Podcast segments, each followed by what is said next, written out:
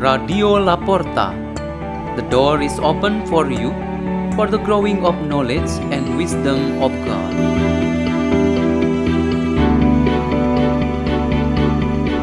by Mark Jason Garcia, parishioner of St. John Bosco, Danau Sunter, Jakarta.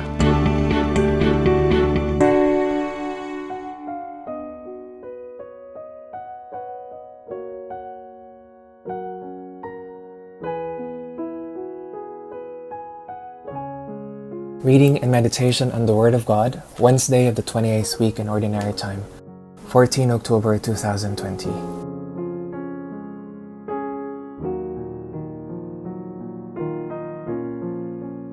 The reading is taken from the letter of St. Paul to the Galatians.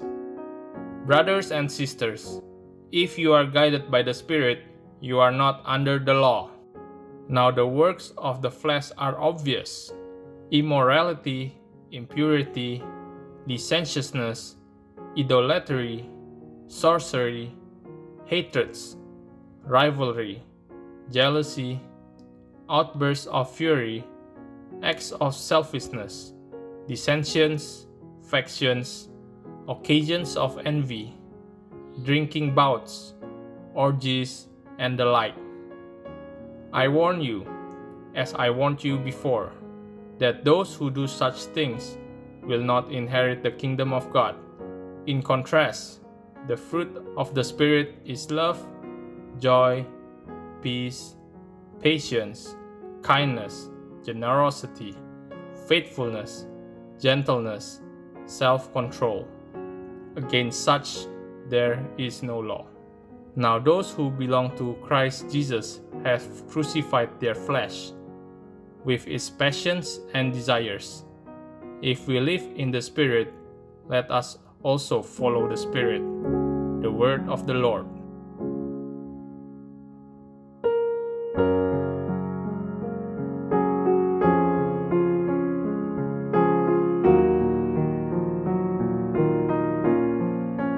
Our meditation today has the theme The Crucifixion of Our Flesh. Christian spirituality derives its main source from Jesus Christ. Even though, in the development and growth of the Church, the influence of different cultures and civilizations has contributed to coloring the Christian life, Jesus as the center has never changed. The Lord Jesus Christ wants human souls to be saved and go to heaven while their bodies will die and become one with nature and the world. There was a young boy who asked his mother about the meaning of lust of the flesh. After the explanation, the teenager was able to understand that if he could not control sugary foods, he would suffer from diabetes. If he cannot control fatty foods, he will accumulate cholesterol, which leads to a heart attack.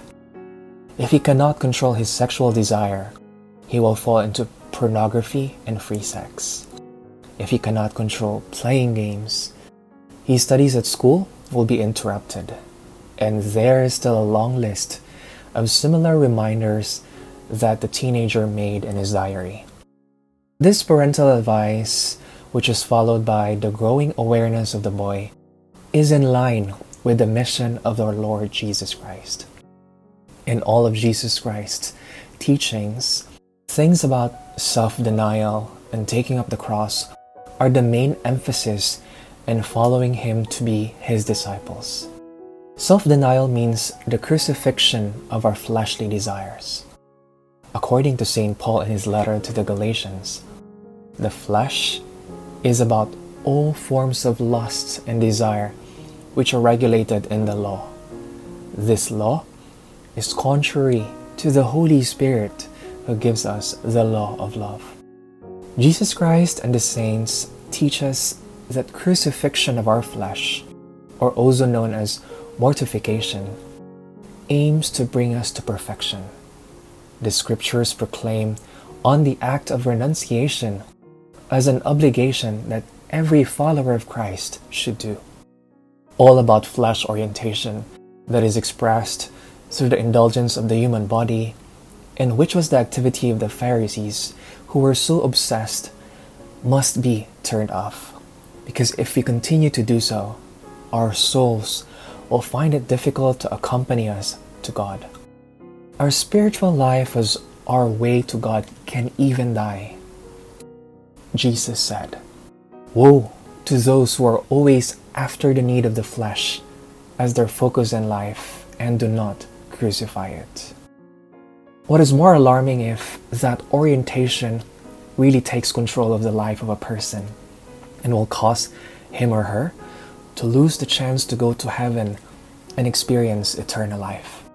This should be a constant reminder to us so that we will know how to deal with our lust for the flesh or the need of the body, which eventually will stop in this world.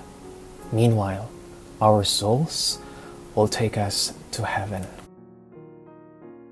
Let us pray. In the name of the Father, and of the Son, and of the Holy Spirit. Amen. Almighty and ever living God, bless our journey of faith so that we will always strengthen our efforts to do renunciation in order to make our souls clean and pure. Hail Mary, full of grace, the Lord is with thee. Blessed art thou amongst women, and blessed is the fruit of thy womb, Jesus.